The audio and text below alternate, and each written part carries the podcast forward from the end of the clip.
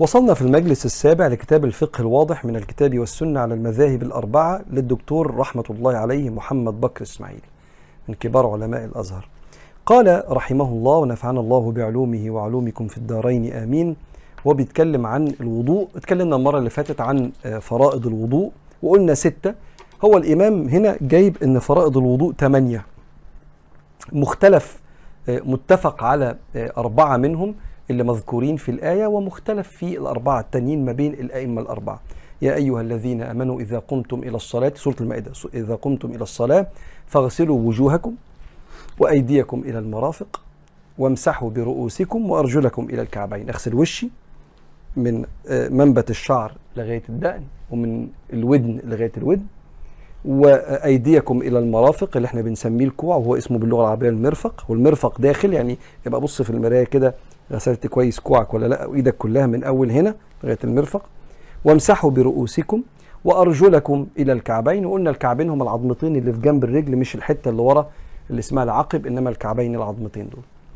وبعدين بيقول إن النية فرض عند جمهور الفقهاء إلا قال وقتها إلا الأحناف.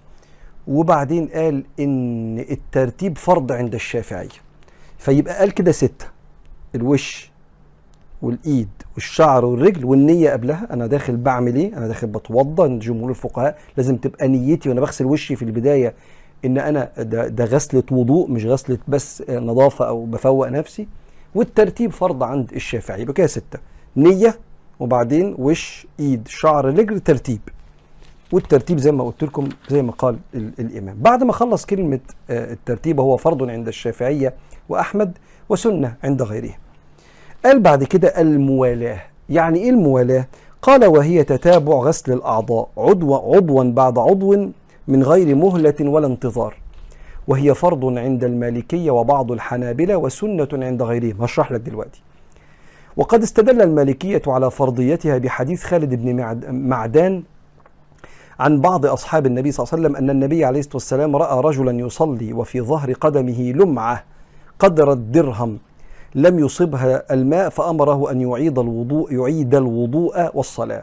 فلو لم تكن الموالاة واجبة لما أمره بإعادة الوضوء. واستدل غيرهم اللي بيقولوا الموالاة مش فرض الموالاة إن أنا أغسل أتوضى كل وضوء ورا بعض ما يقطعوش حاجة.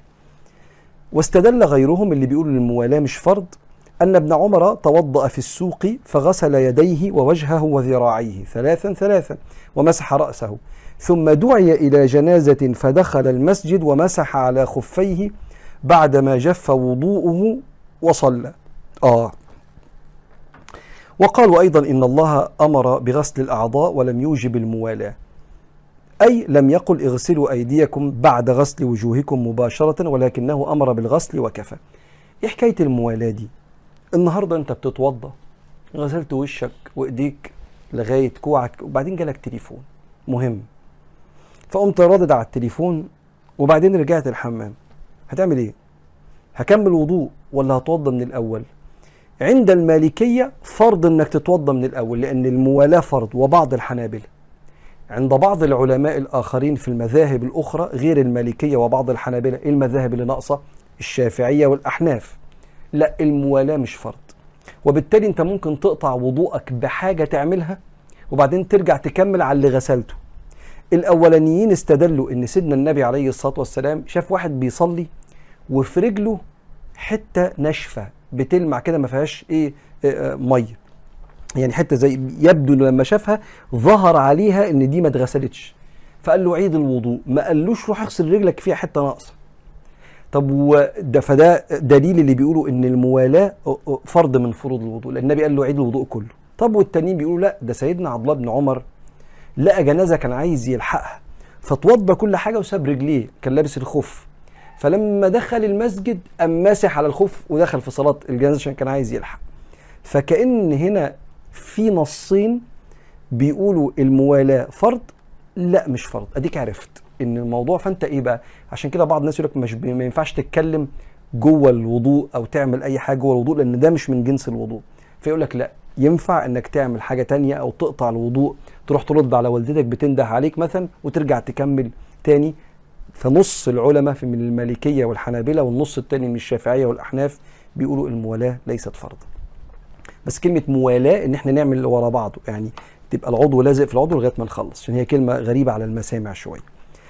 الفرض الثامن التدليك وهو إمرار اليد على العضو مع الماء أو بعده. آه وهو فرض عند المالكية وبعض الفقهاء. لحديث عبد الله بن زيد بن عاصم أن النبي صلى الله عليه وسلم توضأ فجعل يقول هكذا ويدلك. وقال غير المالكية التدليك سنة لعدم التصريح به في الأحاديث الكثيرة الواردة في الوضوء والغسل. يعني إيه؟ المالكية بيقولوا فرض إن إيدك تيجي على العضو. باقي العلماء بيقولوا الفرض المية تيجي على العضو من غير ما إيدك تقعد تعمل كده.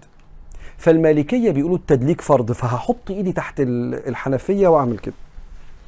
باقي الفقهاء يقولوا لا لو حطيت ايديك فالمية جريت على العضو يبقى خلاص كده انت غسلته ولا يشترط التدليك. يبقى التدليك فرض عند المالكية وبعض الفقهاء. ارجع معاك بسرعة قبل ما نخش على سنن الوضوء. آه إحنا قلنا الثمان فروض.